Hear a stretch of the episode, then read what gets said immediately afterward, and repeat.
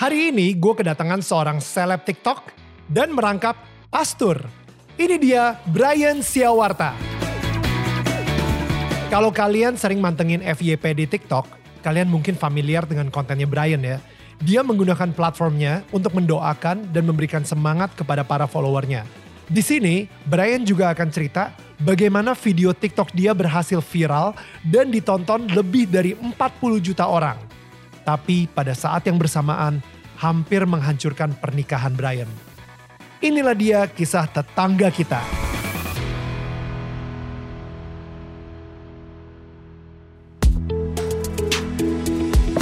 Ini gua Daniel, tetangga kamu. Di sini gua akan ngobrol dengan tetangga gua tentang perjalanan hidup mereka dari kacamata spiritual di saat mereka mengalami situasi tidak pasti dan kekhawatiran sampai bisa kembali bangkit menjadi orang yang lebih kuat dari sebelumnya. It's gonna be very exclusive and inspiring.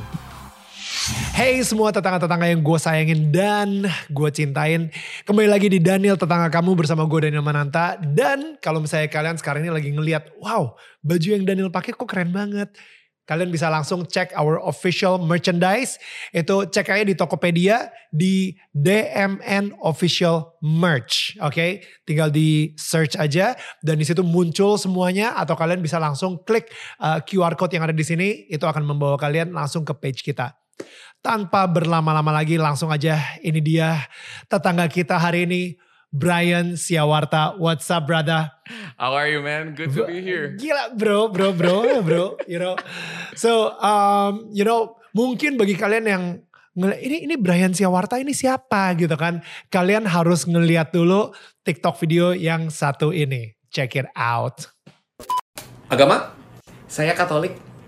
Oke, ruangan 14 tapi jangan berisik pas lu lewat ruangan nomor 8 ya. Muslim bang. Oke, ruangan 25 tapi jangan berisik pas lu lewat ruangan nomor 8 ya. Gue ateis. Hmm, oke, ruangan 42 tapi jangan berisik pas lu lewat ruangan nomor 8 ya. Kenapa kita harus diem-diem kalau lewatin ruangan 8? Oh itu, orang Kristen ada di ruangan nomor 8 dan mereka kira cuma mereka doang ada di sini. Bro, 40 juta views di TikTok. Iya. Yeah. Lu se, bukannya apa ya? Uh, lu sekarang sudah official yang namanya Celeb Talk katanya.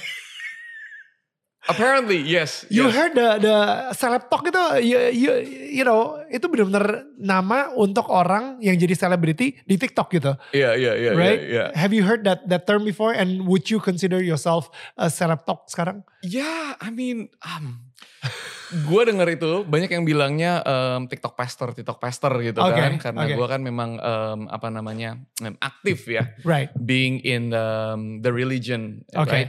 Um, tapi I never plan to be like that. gue nggak pernah sekalipun dari awal itu um, apa namanya ngeplan untuk go famous gitu. Hmm. I, I, bahkan gue cuma ingat waktu itu awal-awal kita tuh cuma pengen bikin di di tempat kita, kita di komunitas kita, kita cuma pengen bikin renungan-renungan gitu kan kayak okay. kayak uh, simple prayers, simple okay. encouragement untuk menguatkan aja gitu. Okay. Okay. Terus gue bikin itu selama 21 hari dan terakhir-terakhir kita juga gue kan biasa orangnya iseng-iseng gitu kan, gue ngeliat ih kok ternyata banyak yang gue bukan konten kreator banget basicnya Neil right. tapi gue ngeliat di luar negeri gitu banyak orang yang bikin konten-konten kayak berfaedah gitu yeah, kan yeah, yeah, pada yeah. saat di situ konten-konten kita banyak yang seru-seru joget-joget. Gue juga nyoba gitu kan tapi gerakan gue nggak bagus jadi. Nah, tapi gue jadi sempet joget-joget gitu ya? TikTok eh, tapi gue gak publish just my alter ego aja kan. Um, tapi gue gak publish, tapi gue ngeliat di luar kok kayaknya, oh ini bisa dipakai menarik kok, bukan cuma uh, yang fun-fun doang, tapi right. bisa yang bisa untuk menguatkan orang, untuk memberikan nilai-nilai positif. Ya udah hmm. gue coba deh gitu. Hmm. Gue coba waktu itu gue coba simple banget, gue berdoa. Hmm. Ya kan sampai hari ini kalau gue ke mana-mana, kalau orang tuh selalu gue isengin gue, eh ini kan itu kan yang tunggu tunggu tunggu tunggu gitu oh, kan. iya iya iya. Tunggu tunggu tunggu tunggu tunggu. Iya, tunggu. iya, iya. Gue mau berdoa buat lo. Tapi iya, iya. gue gak ngelakuin itu sekali doang, iseng uh-huh. aja kan. Gue gak tahu semoga lah ada satu orang dua orang yang terberkati yang nonton, gitu iya, kan. Iya. Mungkin mereka lagi lihat-lihat ketawa-ketawa tiba-tiba yang doain. Right. Itu pertama, pertama kali gue buat di antara video-video yang ya view-nya kecil banget cuma 100-200 tiba-tiba yeah. itu view-nya 2 juta gitu. Dari sana gue ngelihat ya on one side gue kayak oh iseng seru, on one side gue juga ngeliat oh ternyata di luar sana tuh apa ya kita tuh lagi zaman pandemi waktu itu hmm. and a lot of us kita butuh you know someone to just support us untuk yeah, yeah. didoakan untuk yeah. someone yang bisa cuma ngomong eh men Tuhan sayang lu right it's okay Right. Ada Tuhan yang sama lu, dia tuh backingan lu. right. He got your back. Lu maju terus aja. Ya, ya, Makanya ya. gue keluar tagline uh, maju terus uh, Tuhan sayang lu. Gitu. Ah, as simple as that. And dari sana rolling aja. Right. Nah, gue cuma coba-coba yuk kita coba bikin konten ini, konten itu gitu. Hmm. And ya jadi dalam enam bulan, gue tuh aktif cuma enam bulan di Se- tahun serius? 2020. Abis itu gue hampir nggak pernah main lagi. Dari wait dari bulan apa sampai bulan apa? Januari dua sorry Januari 2021 sampai Juni 2021. 2021. Oke. Nah, em, ini menarik ya karena lu uh, viral banget ya kan. Itu video yang tadi kita putar itu sempet Well, bukan sempet ya, banyak mu- banget muncul di FYP-nya orang-orang gitu di Right. TikTok gitu kan. Tapi biasanya normalnya ketika seseorang itu viral, dia bakal langsung nunggangin keviralannya itu dan bikin TikTok TikTok konten lainnya dan akhirnya jadi semakin viral dan you know take that advantage gitu. Tapi lu malah cabut. Nah, kita akan ngobrol tuh nanti sih obviously. Iya, Em, karena eh, men banyak banget sih yang pengen gue tanyain sama sekarang karena eh ya udah. Yang pertama-tama dulu nih. Brian tadi di sini bilang kalau misalnya Brian ini adalah TikTok pastor, right? Eh, berarti lu adalah seorang pastor gitu. Pe- pe- pendeta gitu ya. Tapi Hmm. pendeta macam apa men yang tatoan men? Like, can you tell a little bit background gitu of yourself, a little bit of background. Lu itu sebenarnya dari mana dan eh, you know, soalnya tiba-tiba orang cuma taunya lu yang tunggu tunggu tunggu tunggu tunggu yang udah kayak gitu gitu. So Yeah, uh, tell me about yourself, a little bit about yourself. Right. Um, ya, so gue gua anak pertama dari tiga bersaudara. Hmm. Oke. Um, as you can see dengan mata yang sipit ini Chinese Indonesian, 100% Indonesia, 100% juga darah gue Chinese. Right. Dan pas gue kecil tuh kita dibesarkan di keluarga, bonyok gue itu wah Buddhis, Konghucu, Oh wow. nggak terlalu religius lah ya. Oke. Pokoknya you know gedein anak, cari duit, jangan nyeleweng, jangan bunuh orang, Oke. semua all good. Ya. Jadi ya. manusia yang baik. Ya. Em, tapi pada saat gue umur sekitar 4 tahun, nyokap gue itu didiagnosa sama dokter. Dia tuh punya sakit di tulang punggung. Jadi kalau Hmm. kita eh, muter dikit lagi pas SMA, nyokap gue itu kepleset di tangga, Hmm. terus dia jatuh punggungnya itu kena ujung tangga. Oh. Orang zaman dulu kan biasa, oh biru nih, dipijat dikasih minyak aja, Hmm. udah nggak apa-apa. Nah Hmm. tapi ternyata kalau masalah tentang tulang itu, itu efeknya bisa 10-15 tahun kemudian. Oh, Nah pada saat gue umur 4 tahunan, nyokap gue itu didiagnosa sama dokter di Singapura, udah datang ke dokter yang top, muter-muter semua dokter semua bilang, oh ini tulang. Jadi tulang eh, punggung kita itu kan dibuat untuk melindungi syaraf Right. main nerve system tuh. Ya. Tapi karena benturan itu, dia menyebabkan ada duri yang numbuh Oh. ke dalam, Hmm. nusuk syarafnya. Hmm. gitu. Damn. Jadi em, di dalam tahun-tahun ke depan, makin lama yang namanya duri tulang itu makin lama makin parah, makin nusuk. Makin gitu. nusuk ya. makin nusuk makin parah selama enam tahun sampai akhirnya nyokap gue itu bedridden dia 24 jam itu mungkin dua per tiganya di atas ranjang nggak bisa ke mana-mana Maksudnya kalau dia berdiri sakit, Sakit. sekali. dia berdiri sakit dia AC terlalu panas sakit AC terlalu dingin sakit Oh jadi goodness. apa pun yang membuat eh, syaraf dia menegang dikit itu Hmm. langsung gara-gara udah jadi syarafnya gitu itu udah ketusuk duri Hmm. jadi dia harus begini terus kan Oke. tapi kalau syarafnya negang dikit sakit, sakit. Jadi ini pas lu umur 4 tahun nih? Empat tahun. Jadi Oke. gue cuma ngelihat aja nyokap gue itu sampai udah kayak zombie aja di atas ranjang gitu. Wow. Nah, Pada saat dia di tahun terakhir dia sakit itu, ada teman BFF dia. Nah, BFF dia waktu itu ini best baru- friends forever ya, maksudnya kayak BFF itu BFF jadi lucunya nyokap gue jatuh di rumah temen, Dianya, sahabatnya dia. sahabatnya Ya. pas dulu kecil, pas dulu SMA. Oke, oke. Sekarang sahabat yang sama itu, Ya. Waktu itu dia percaya Tuhan. Oke. Dia percaya Tuhan Yesus, terus dia juga percaya bahwa Tuhan bisa menyembuhkan kita. Uh, oke. Doalah dia datang Hmm. setiap minggu. Hmm. Bukan cuma itu dia datang bawa you know pendeta lah, pemuka agama lah, pokoknya Oke. bisa nyembuhin gitu kan. Oke. Doa, doa. 6 bulan berjalan kira-kira dia bilang ke nyokap gua, "Ah, "Lu harus percaya sama Tuhan Yesus dulu." Hmm. Ya namanya kita kalau kepepet apa aja juga Ya. mau siapa pun gue percaya kalau lu Ya. bisa sembuhin gue gue percaya gitu Ya, kan. ya. Tapi nyokap percaya sama Oke. dia percaya sama Tuhan Yesus, dia menerima Tuhan Yesus dan dia Hmm. mulai berdoa untuk semuanya sendiri. Hmm. Sambil dia berdoa, dia menceritakan tentang Tuhan Yesus ke bokap gue. Hmm. Dia bilang, "Oh, lu harus percaya, Bud." Nama nyokap gue Jenny, bokap gue Budi. Hmm. "Em, lu harus percaya gini gini gini. Bokap gue itu sangat-sangat logika banget gitu kan. Konghucu ya kalau bokap. Iya, bokap gue Konghucu. Oke. Kita nggak bisa bilang diri kita religious sih. Jadi Oke. ya, you know, every Ya, now and then. Lebih lah. tradisi gitu ya. right, KTP. right. Tapi bokap gue logika banget. Hmm, Ya kan orang bisnis. hmm, Di ngomongin terus, bokap gue udah mulai enak. hmm, Apa sih ini Yesus? Yesus. hmm. Dia ngomong ke nyokap gue. Bahasa Inggrisnya kayak, woman, kalau... Yen, kalau lu punya Tuhan Yesus itu bener, suruh dia sembuhin lu. Uh, ditantang. Kalau dia sembuhin lu, gue terima. Uh, Tapi kalau enggak, just shut up. right. Udah diem aja.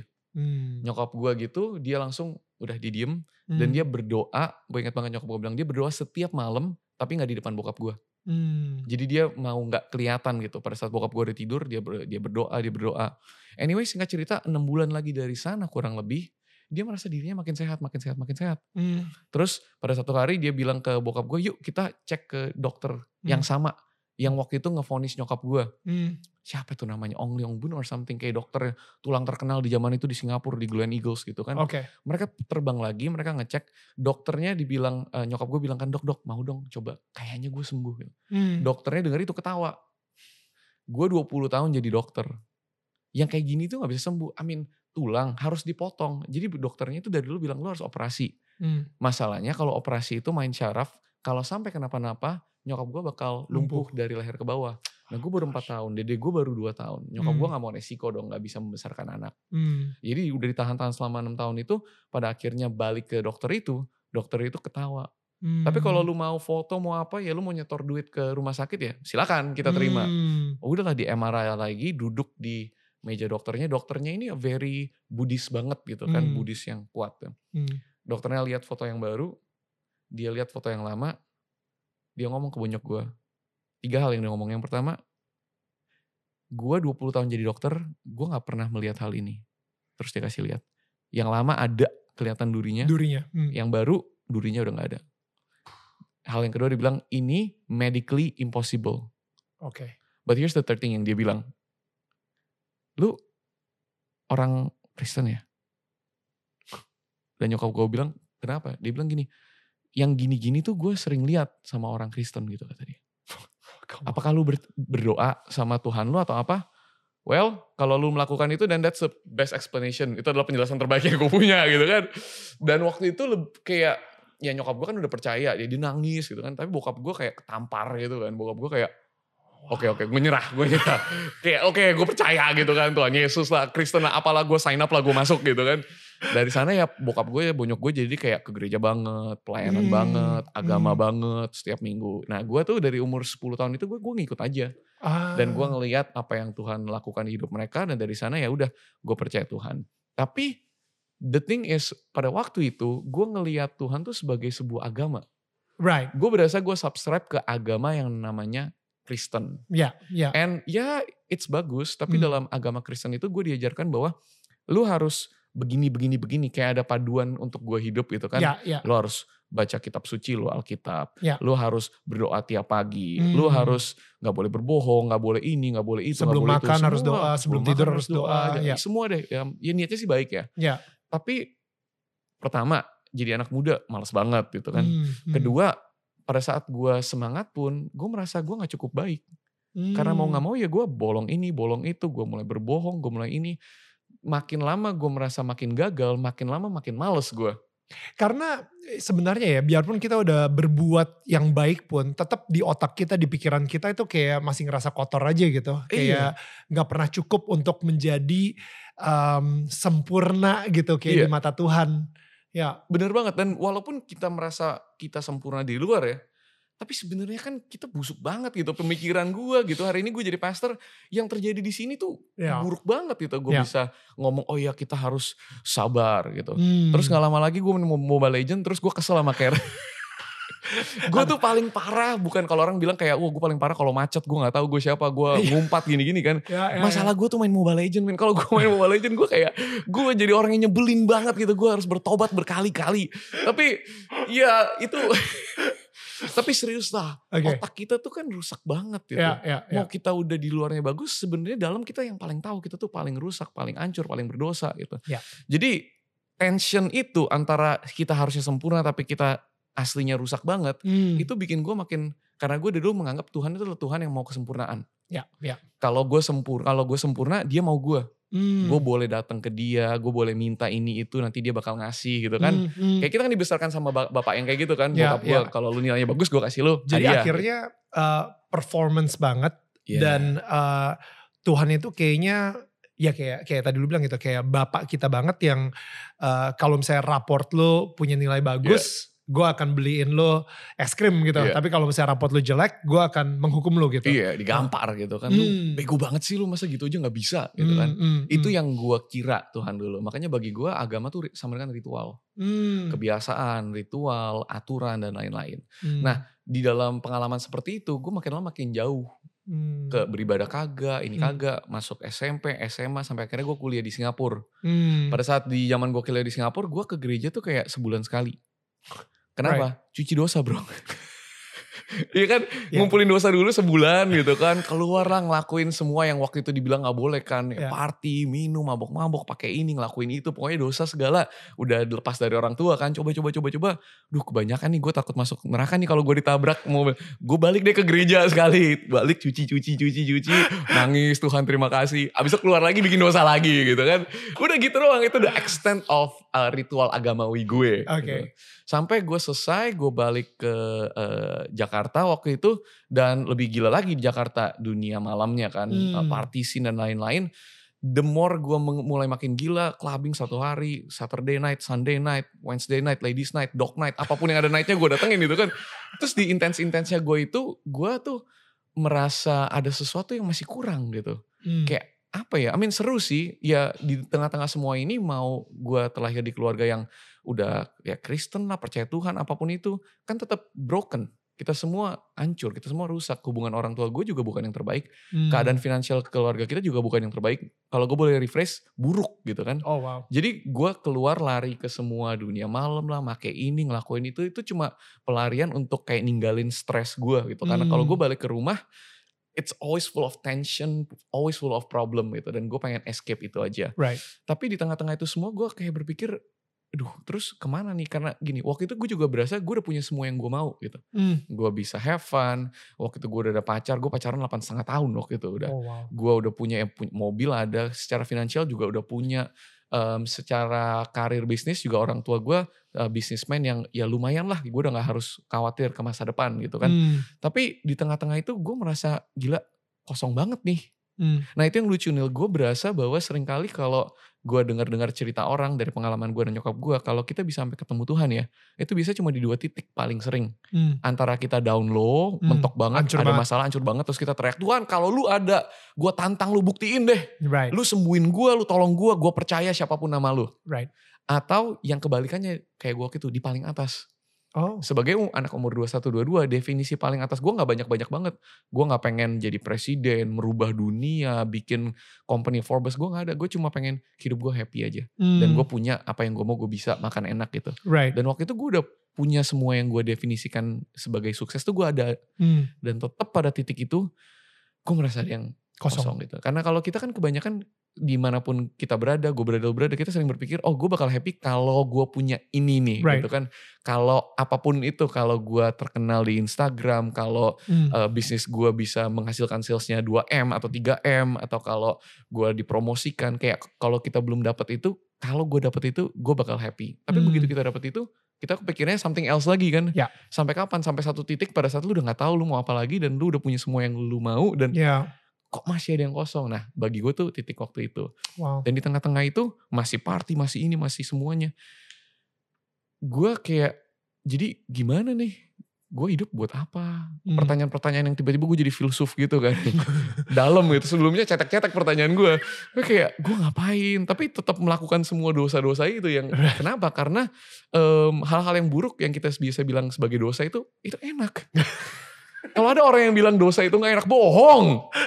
Kalau ada yang bilang dosa itu gak seru, bohong. Iya. Lu antara terlalu religi aja, lu gak pernah dosa gitu kan. Iya, tapi maksud gue emang gitu ya, ya, ya setan akan menggunakan lu untuk berdosa karena dosa itu emang enak Betul. gitu ya. Kalau dosa gak enak, kagak ada yang mau berdosa. Kalau kalau setan itu nggak kelihatan baik dari luar, nggak kelihatan enak dari luar, kagak ada yang mau ke dia gitu kan. Tapi Oke. enaknya sebentar, Hmm. damage-nya lama gitu kan. Hmm. That's the thing. Gue mabuk, oke, nggak masalah, happy happy happy. Begitu sadar, masalah gue datang lagi. Hmm. Stres gue ini lagi. Orang tua gue masih berantem, finansial gue masih berantakan, utang Hmm. keluarga masih kelilit gitu kan. Hmm. Um, anyway pada saat itu gue juga tahu, gue mulai bertanya, Tuhan, lu tuh poin hidup ini tuh apa sih? Hmm. Apakah gue tahu bukan uang karena gue udah punya gak happy juga. Hmm. Gue tahu ternyata bukan hubungan juga kan kayak banyak yang bilang, oh gue tuh sendirian, gue butuh seseorang. Kalau gue mendapatkan orang yang sempurna, the one, gue akan wah utuh Pasangan, pas ya. gitu kan. Ya. Tapi gue udah punya pacar 8 setengah tahun, malah stres, pusing, kerjaan gue bohong doang sama mantan gue gitu kan. Oh wow. Pernikahan bukan, gue ngeliat pernikahan bonyok gue berantakan, Hmm. keluarga gue ngeliat diri gue kalau gue punya anak kayak gue nggak mau gue jadi di mana gitu di manakah kebahagiaan ini apakah inti kehidupan ini dan gue mulai mungkin gak sih inti kehidupan ini tuh Tuhan itu sendiri What What does that mean? gue juga nggak tahu tapi gue inget pada saat pada saat itu gue inget memori gue pas gue kecil Oke. gue inget pada saat gue kecil gue ke gereja gue ini ada momen-momen di mana gue merasa tenang Oke. damai ada yang manis di memori gue Oke. Dan gue kayak, Tuhan kalau bener itu elu, tunjukin gue lagi dong. Di umur gue yang sekarang kasih tahu bahwa elu tuh yang sebenarnya bener-bener paling real, paling nyata di hidup ini. Tapi, gue kagak mau gereja-gerejaan. Nah dari ya, perjalanan ya, ya. itulah, dan singkat cerita dari sana gue ketemu Tuhan dan lain-lain. Dan ini masih panjang lagi kalau kita ceritain, kita bisa masuk here and there. Tapi pada akhirnya gue merasa panggilan Tuhan pada 4 Juli 2014 gitu. Gue di Hillsong Conference, ada temen gue yang ngajakin kayak, Hmm. eh ikut dong Hillsong Conference gitu. Gue tanya itu apa? Oh itu Tomorrowland-nya orang Kristen. Gue kayak, wah oke, gue you got me at Tomorrowland gitu kan. Jadi tuh kayak konferensi Kristiani yang salah satu yang terbesar di dunia. Berapa puluh ribu orang ya biasanya di 20 situ? ribu orang di 20 Kudos ribu Bank orang. Arena di Sydney gitu. Dan mereka tuh gereja yang sangat apa ya modern banget gitu kan pemusiknya, bandnya, lighting dan lain-lain. Jadi bisa relate gitu. Hmm. Nah pada saat gue Kayak datang klub ke sana, lah, jadi- kayak, klub, kayak klub gitu kan. Pada saat gue datang ke sana, gue ngeliat ini nyanyinya jingkrak-jingkrak, lompat-lompat. And I feel like for the first time nih, Neil, gue dari dulu berada di gereja A, gereja B, gue gak pernah merasa cocok gitu. Hmm. Tapi waktu itu gue inget banget di Kudos Bank Arena di Sydney, gue ngeliat mereka jingkrak-jingkrak dan I feel like I'm home. Right. Ada nih yang kayak, lu inget gak sih film, lu nonton Ice Age gak sih? Ice Gila nonton- Age. Iya, Oke. pada saat si Manny itu, Ya. yang The Mammoth. Ya. Ya. Dia kira dia adalah satu-satunya mammoth terakhir Katanya dia ketemu sama. Karena dikira nggak ada yang kayak gue. Tapi pada Right. saat dia ketemu vlognya, Ya. ternyata gue nggak sendirian. Right. My people ada, yang kayak gue tuh ada. Gitu. Right. Gue berasa itu di situ dan gue Right. berasa, man, I'm home gitu. Hmm. Jadi dari 2015 gue memulai eh, perjalanan gue di sekolah Alkitab di Hillsong College. Wait, wait, wait, wait. What happened di Hillsong Conference? Di Hillsong Conference, oh sorry, di Hillsong Conference hari Senin itu Senin sampai Jumat. Hari Senin gue berasa, man, I am home. Ya. Hari Jumatnya 4 Juli 2014, gue berasa kayak apa ya? Gue tuh nggak bisa dengar Tuhan. Oke. uh pendeta gak bisa dengar Tuhan mau ke mana lo? Iya maksud gue gini, gue gak ada yang pendeta kan yang bilang kayak, uh gue mendengar suara Tuhan secara audible. Anakku Brian, akulah ayahmu Tuhanmu. Gitu. gue gak pernah coy, ngeri kali kalau gue denger gitu. Tapi gue selalu kalau gue bilang orang nanya gue, Tuhan tuh ngomongnya kayak apa sih? Tuhan tuh salah satu, banyak cara Tuhan bisa ngomong lewat eh, kitab sucinya yang namanya Hmm. Alkitab. Hmm. Lewat teman-teman di sekitar sekeliling kita yang percaya dia. Lewat hati kita. Hmm. Jadi kalau gue bisa describe kayak apa sih gue ngerasa Tuhan ngomong itu kayak almost like momen-momen di mana gue kayak gue ngomong ke diri gue sendiri, lu Hmm. bisa kita bisa ngomong ke diri kita sendiri Mhm. kan. Tapi apa yang gue ngomong, gue nggak mikirin dan itu kayak sesuatu yang gue nggak mungkin bisa kepikiran. Dan pada saat gue dengar so- diri gue ngomong ke gue sendiri, gue nangis gitu kan. Oh wow. It's like that. Dan gitu. itu yang terjadi 4 Juli 2014. Yes. Makanya gue bisa bilang itu seakan-akan gue berasa kayak Tuhan ngomong ke gue yang paling real.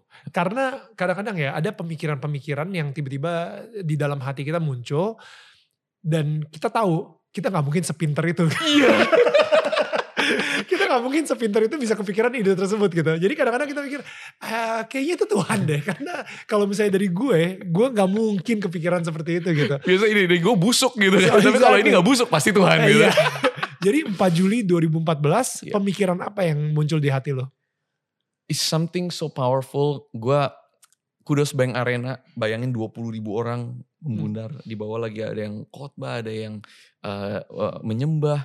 gue di paling atas banget, gue inget belakang banget. Hmm. Tapi gue kayak, lu tau gak sih momen-momen di film yang kayak lu dan satu orang ini ngomong dan semuanya mulai diem, terus semuanya zoom out kayak cuma lu dan orang ini gitu. Hmm. And that's the moment yang gue rasa gitu. Kayak Oke. seakan-akan ada Tuhan, gue tutup mata gue dan kayak ada Tuhan yang menaruh tangannya di pundak gue. Dan gue nangis. "Ah." Hmm. Dan dia cuma bilang, Brian, anakku, aku sayang kamu. Oh. And dia lanjut bilang dua hal, dua kata yang waktu itu. Dia cuma bilang Hillsong College. oh wow. Hillsong College. Dan Hillsong College itu apa? Sekolah Alkitabnya. Hmm. Kayak And, and itu tipikal Tuhan yang gue kenal banget. Sering memberi direction, arah ke mana kita harus pergi. Tanpa memberi explanation, gak ngejelasin gitu. Hmm. Tapi gue udah cukup penjelasan bahwa dia bilang, Brian, anakku. Artinya gue anak dia. Artinya apa pun yang gue lakukan, mau gue sebejat apa pun, gue serusak apa pun, gue tetap anak dia. Hmm. Hmm. Dia sayang gue. Hmm. Dia bangga sama gue. Itu udah cukup Hmm. buat gue. Karena gue gak pernah merasakan itu seumur hidup gue.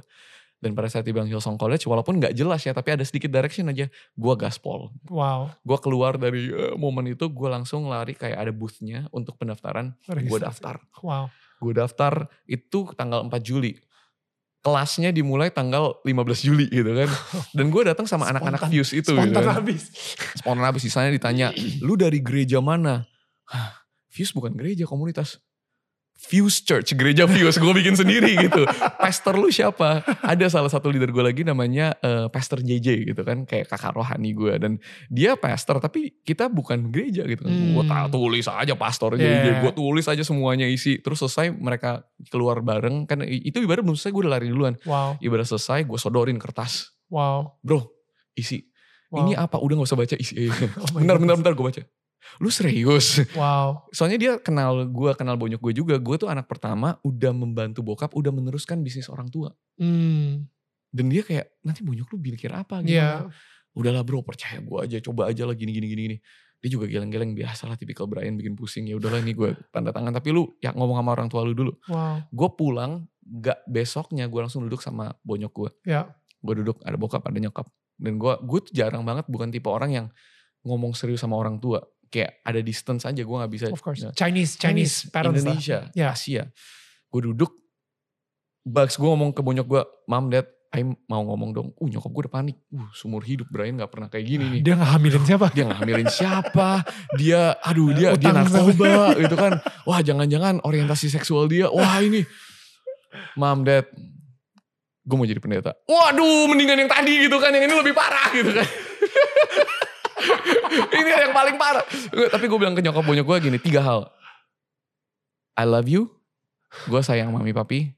I'm sorry, gue minta maaf kalau gue mengecewakan. Bye-bye.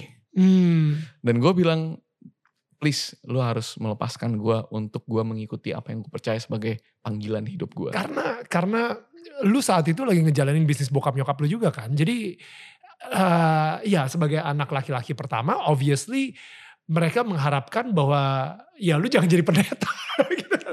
Jadi businessman, entrepreneur kayak mereka gitu untuk diterusin gitu. And, and akhirnya lu lebih memilih ke Hillsong College saat itu. Iya karena lu lu anak keberapa Nil? Ya anak pertama. Anak pertama kan. Hmm. Kita sebagai anak pertama di konteks Asia Indonesia ya. Hmm. Kita tuh asuransi orang tua kita.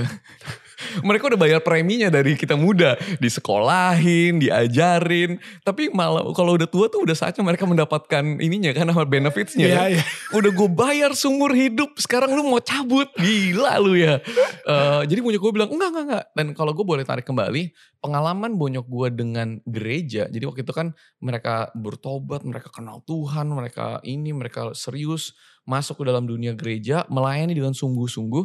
Tapi mungkin masuk terlalu cepat dan terlalu dalam. Sampai mereka melihat kalau kita biasa bilang dapurnya gereja. Hmm. Kalau restoran kan luarnya bagus kan. Hmm. Kita juga rumah ini ada kitchen, ada pantry apa. Tapi Ya. dapur ke dalamnya kan jorok kan. Hmm. Mereka masuk dan mereka melihat dan mereka kecewa dengan pendeta. Hmm. Mereka kecewa dengan pemuka agama. Mereka kecewa dengan institusi. Dan mereka lihat, ah ini semua cuma sama, duit. Hmm. Cuma duit, main kekuasaan, Hmm. em, politik gereja. Mereka bilang politik gereja lebih parah daripada politik dunia. gitu. Wow. Dan mereka udah Wow. dikecewakan sama hamba Tuhan ini, pendeta ini, pemuka agama ini. Mereka gereja ini mereka ganti ke gereja lain gitu. Ah mungkin gereja yang lebih kecil. Mereka waktu itu di salah satu gereja terbesar di Indonesia Hmm. sebelum mereka pecah di tengah-tengah semua itu.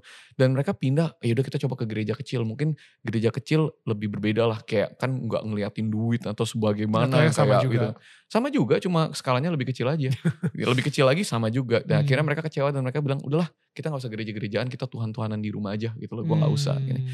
Tapi ya pada akhirnya pada saat kita terpisah dengan em, apa namanya sumber Tuhan itu, karena Tuhan itu bisa kita nggak perlu ke gereja untuk ketemu Tuhan.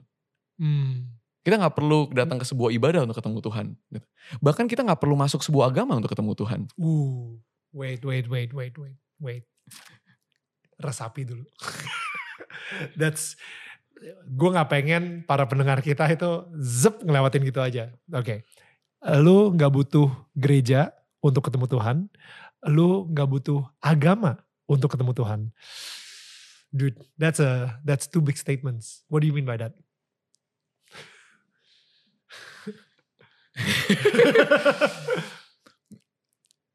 Gue kan kemarin bikin konten banyak gitu kan. Ya. Gue tuh bikin konten dari Januari sampai Mei Juni 2021. Dan gue dalam perjalanan gue eh, membuat konten itu, gue bilang ke Tuhan, Tuhan gue pengen memakai platform ini yang luar biasa yang namanya TikTok untuk menyebarkan kebaikanmu keluar sana. Oke, Dan apa, siapa yang gue percaya sebagai Tuhan Yesus Kristus itu. oke. Dan gua di tengah-tengah perjalanan itu juga mencoba memberitakan yang kita percaya sebagai kabar baik as it is.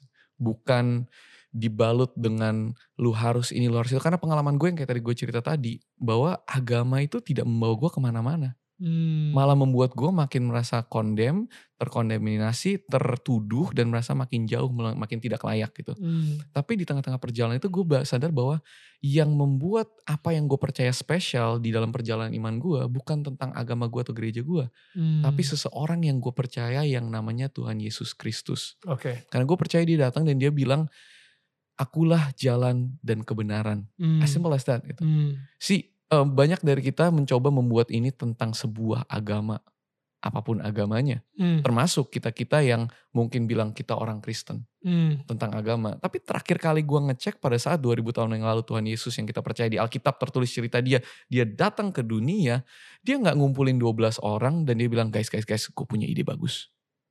Kita bikin agama baru. Kita bikin agama Kristen. Kita bikin agama Kristen. Ini pasti viral, ini pasti hits. Oke, rasul gue yang pertama, lo bikin agama Katolik. Yang kedua, Protestan. Yang ketiga, well, you know, enggak juga kan? I mean hari ini itu adalah agama terbesar di dunia. Tapi itu bukan rencana Tuhan. Hmm. Dia nggak memulai dengan itu. Dia memulai cuma bilang, dia panggil 12 orang dan dia bilang, hey, gue sayang lu. Gue peduli sama lu. Lu punya masa depan. Dan dia bilang, gue akan mati di atas kayu salib. Gue yang 100% Tuhan, 100% manusia, akan mati di atas kayu salib, menggantikan dosa lu.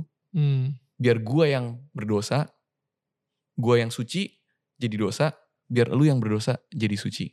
Hmm. Dan kalau lu percaya kepada gua, Tuhan Yesus, akulah satu-satunya jalan. Bukan masuk ke dalam sebuah agama, Hmm. bukan rubah KTP lu menjadi Kristen, Hmm. Hmm. bukan mengikuti aturan-aturan, bahkan bukan tentang lu gak berdosa lagi. Lu mungkin masih berdosa lagi. Lu mungkin masih salah, lu mungkin masih tidak sempurna. Hmm. Tetapi karena kesempurnaan gua, lu ambil dosa lu, tukerin, Wow. dan lu akan mendapatkan keselamatan. Jadi even di TikTok itu gue sering membuat mencoba membuat orang memikirkan ulang apa yang mereka percaya. Hmm. Karena banyak dari kita apa pun agama kita, apa pun se- kurang lebih gini. Gue gue salah satu ya, masalahnya gini ya buat TikTok. Kalau yang sesuatu yang encouraging dan baik viral gitu kan. Tapi yang lebih viral lagi adalah sesuatu yang kontroversi, sesuatu yang video gue yang itu itu sampai 40 juta karena itu dianggap sangat kontroversial. Ya. Dan dalam em, perjalanan gue main TikTok, gue banyak yang cinta apa yang gue create, banyak yang benci mungkin, nggak suka mungkin, nganggap sesat mungkin dari apa yang gue create gitu. Sesat. sesat.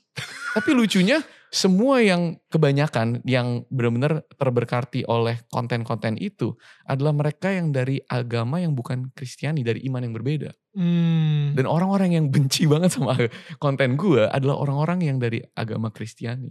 Oke. Pemuka-pemuka agama. Gitu. Oke. Um, lu tadi sempat bilang gitu ya, maksudnya lu udah mulai lu udah mulai uh, cerita gitu bahwa lu sempat sakit banget sama gereja gitu kan, lu sempat sakit hati banget, uh, bokap nyokap lu juga sempat sakit hati Hmm. juga. Um, mereka Hmm. ngerasa bahwa gereja itu isinya um, apalagi you know uh, politik apa, apa structure organized religion gitu ya, yang terstruktur dan terorganisir itu kesannya kayak sangat banyak politiknya banget. Iya. And yet hari ini lu menjadi pastor sebuah gereja gitu. Why? Kenapa? Dan um, yang kedua, bro, jemaat-jemaat gereja lu ada yang pernah komplain gak dengan tato-tato yang lu punya? You know what I mean? Like, what? Oh gosh, um, good question. Gue inget pertama kali gue mau tato itu ya. Itu tuh tahun 2014. Eh, Gue wait, lu tadi bilang 4 Juli 2014, lu ngerasa Tuhan berbisik di hati lu, untuk ya, panggilan un- sekolah ke Alkitab. sekolah Iya. Alkitab gitu. Dan habis itu lu tatonya Di 2014. Jadi dari dulu tuh gue udah suka ngeliat tato. Gue Oke. bukan orang yang artsy, gue gak bisa main musik, tapi gue pingin artsy gitu kan. Jadi gue ngeliat art tuh keren, tato itu keren. Tapi ya dari dulu tuh gue sebagai, karena gue bantu bonyok gue Nil, Hmm. bokap gue kan ketemu banyak orang, pejabat, orang penting. Jadi gue selalu tuh kalau lu lihat, kalau misalnya nih ada foto gue yang sekarang, hmm, sama yang dulu sebelum gue kenal Tuhan, sebelum apa semua ya. Lu bakal lihat before afternya kayak yang sekarang kayak preman, yang dulu malah rambut klimis, pakai kemeja, tangan panjang, nanti unyu fotonya kita gitu kasih kan. lihat Nanti- ya. Ya, kita lihat ya. tapi orang kayak ini kan kebalik nih, kok Iya, iya, ketemu iya, Tuhan iya. jadi berantakan gitu. Iya, iya, iya. iya. Tapi karena dulu tuh gua apa yang bagaimana gua men- menampilkan diri gua, apa yang gua ngomong semua itu gua di shape oleh ekspektasi masyarakat Hmm. ekspektasi teman-teman gue, ekspektasi orang di sekitar gue, ekspektasi orang tua gue, dan gue ngikut mereka gitu kan. Hmm. Dan salah satu yang itu adalah sama orang tua gue bilang jangan tatoan. Kalau tatoan nanti ya orang akan memandang buruk gitu kan. Ya udah ya gue kayak gitu. Tapi semakin lama gue mengenal, mengenal kebaikan Tuhan, semakin gue sadar bahwa kita tidak perlu menjadi apa yang orang lain inginkan. Bahkan kita tidak perlu menjadi apa yang kita inginkan tapi kita bisa menjadi apa yang Tuhan inginkan. Bahwa panggilan kita itu untuk menjadi siapa yang dia panggil kita. Bahwa hidup gua itu cuma ada satu orang yang benar-benar melihatnya dan menilainya, yaitu Tuhan Yesus Kristus. Wait, apakah itu artinya Tuhan menginginkan lu bertato? Absolutely not. Or lebih gue bilang, I don't know. Mhm. Gue nggak bilang Tuhan mau atau enggak. Jadi pada saat itu gue kan udah mulai nih ya kan, udah mulai ikut Tuhan, udah mulai meninggalkan ekspektasi, ekspektasi orang nih. Artinya, ih gue nggak perlu kayak jadi soalim atau apa kok. Gue bisa menjadi lebih bebas gitu kan. Tapi gue belum Hmm. tatoan. Hmm. Tapi di awal 2014 tuh gue udah kayak serius kayak tahun ini gue pengen tato deh gitu. Tuhan Hmm. mau gak gitu. Tato yang pertama apa? Belum, ini belum tato ya. Oke. Gue akan membuild pelan-pelan biar lu tahu apa yang terjadi di pemikiran gue dan ini semua. Jadi gue membuild pelan-pelan gue kayak mau, mau, mau, mau, mau. Terus gue kayak Tuhan kayak ayo dong kasih tanda gitu kan. Biasa kan Hmm. kayak kasih tanda kalau emang boleh atau gimana. Setahun itu gue struggling. Kenapa? Karena em, gue mau tapi gue bilang kata ke pendeta tuh sesat. Ya. Gak boleh, tato itu dosa dan lain-lain. Dan ada ada satu bagian dari Alkitab eh, Imamat 19 ayat 28 tuh 28 Hmm. ayat 19. Hmm. Dia bilang jangan menoreh tanda pada tubuhmu. gitu. 1928 ya. 1928 right. And gue kayak aduh bener atau gak sih. Sampai di tahun itu gue memutuskan untuk menggali lebih dalam lagi. Hmm. Apa sih ini soalnya em, bener gak sih dia ngomongin apa. Dan pada saat gue cari tahu kitab itu ditulisnya bagaimana ke siapa. Nah masalah salah satu kita adalah kita nyomot-nyomot ayat sesuka kita. Terus kita Ya. taruh-taruh aja. Tapi pada saat gue tulis jadi di waktu itu konteksnya adalah em, di waktu itu kalau kita menyembah dewa-dewi lain selain Tuhan. Kalau kita masuk ke dalam okultisme dan percaya dewa yang lain itu ada tandanya kita Hmm. menorehkan tanda misalnya gua sama dewa X gitu kan gue Hmm. kasih X gitu gue Hmm. kasih ini nah pada saat eh, penulis eh, kitab Imamat itu bilang jangan menoreh tanda pada tubuhmu maksudnya jangan menyembah Allah lain karena kalau lu menoreh itu adalah bukti lu menyembah Allah lain Right. jadi pertama kali gue lihat loh ini bukan tentang nggak boleh tato ya Hmm. kecuali memang tato kita untuk menyembah Allah ya Hmm. kalau gue kan tato buat arts, jadi it's not about that. Tapi di tengah-tengah itu gue juga berpikir, um, I think the question kayaknya bukan cuma itu doang gitu. Karena ada um, ada satu kali Paulus berkata, semuanya diperbolehkan tapi nggak semuanya berguna. Gitu. Iya. Artinya banyak yang kita diberi kebebasan karena di dalam Tuhan Yesus kita diberi kebebasan. Tapi kebebasan itu bukan untuk dipakai semena-mena. Hmm. Dan ditambah lagi pada saat gue udah em, menerima panggilan gue dan gue udah mau menjadi pendeta, mau sekolah Alkitab kan. Terus gue mau tatoan, nyokap gue bilang, lu mau jadi pendeta, lu mau tatoan, lu mau jadi pendeta sesat. Gitu. nyokap gue udah bisa melihat ke masa depan. Gitu. lu mau jadi pendeta macam apa? Siapa yang mau denger lu khotbah? Dan otak gue udah pikir, ya bener juga ya. Aduh, kok gini sih? Right. Terus udah gue udah sampai akhir tahun tuh kan Januari tuh gue bakal pergi ke Hillsong College. Hmm. Tapi di titik itu gue kayak gimana nih? Tapi gue mau. Ah gini aja deh Tuhan. Gue bakal doa puasa. Mantap. Orang doa puasa buat kesembuhan, pemulihan keluarga, gue diberkati. Gue doa puasa buat tato. Gue mau banget tato. Tapi gue kan udah percaya Tuhan nih. 40 hari lamanya gue doa puasa. Tuhan kalau lu nggak kasih gue tanda yang jelas menjawab gue bahwa gue boleh tato kayak kemarin tuh yang di Hillsong Conference tuh yang sampai gue nangis-nangis gimana. Iya, iya. Kalau lu nggak jawab dengan jelas, gue nggak akan tato. Oke. Us, guys, tantang lagi Tuhan. Eh, 40 hari gue doa, uh gila dari semua doa sepua, doa puasa gue itu kayaknya yang paling kenceng gitu. Mana nih ayat, ayo udah dibilang ikutilah apa kata hati atau apa. 40 hari sampai hari terakhir nggak ada apa-apa nih yo. hmm. Nggak ada apa-apa dan gue kayak, duh jalat gimana nih. Berarti Tuhan nggak Berarti memberikan Tuhan lu izin untuk tato dong ya. Aduh, at least kalau nggak pun lu ngomong nggak gitu kan. Ya, Tapi ya. jangan bikin gua nggak jelas. Biasa Tuhan. Tapi setelah itu gue kayak ya udahlah gue harus gue udah ngomong dan gue akan mengikuti apa yang gue bilang. Karena gue bilang kalau Tuhan nggak ngasih jawaban yes, nggak ada green light, gue nggak tato. Hmm. Dan di saat itu itu akhir tahun Nil. Desember. Setahun lamanya gue memegang erat keinginan tato itu. Gue kayak ah annoyed banget, kesel banget. Ah, ya udah selalu deh Tuhan. You know what? Kalau emang nggak boleh, ya udah nggak apa-apa. Gue lepasin keinginan itu. Hmm. And you know what's the funny thing? Ini yang lucu dengan Tuhan. Begitu gue ngelepasin keinginan itu dan akhirnya itu kayak udah nggak, udah gue copot keluar dari hati gue ya. Gue berasa, gue berasa seakan-akan kayak Tuhan bilang, udah, udah, ya udah, besok silakan. Hmm. Dan dari sana gue kayak, what?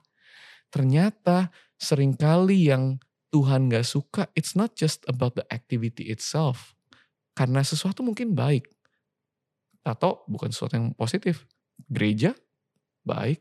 Hmm. Kerja menafkahi keluarga, baik. Hmm. Memastikan anak-anak kita punya eh, makanan, baik. Tapi kalau kita menaruh apa pun di hati kita, dan kita pegang begitu erat, bisa-bisa itu menggantikan posisi Tuhan gitu. Hmm. Sedangkan gue yakin Tuhan mau kita hidup dengan enteng, dengan Hmm. tangan terbuka. Yaitu semua yang Tuhan punya tuh kita pegang dengan kuat, tapi tidak dengan erat. Artinya kalau Tuhan mau ambil ya kapan pun boleh gitu. Dan Wow. dalam perjalanan hidup gue, banyak hal yang tanpa sadar masuk ke hati gue dan gue menganggap itu penting, tapi Tuhan ambil.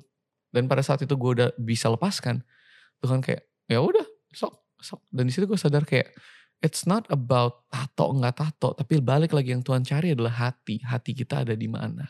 Hmm. Dan gue inget banget pada saat itu em, tato pertama gue kayak udah dapet kayak gue berasa udah dapet lampu hijau kan. Tato apa ya? Tato pertama harus berarti banget gitu kan. Hmm. Hari ini kalau tanya gue ini tato burung artinya apa? Kagak ada keren doang. gitu.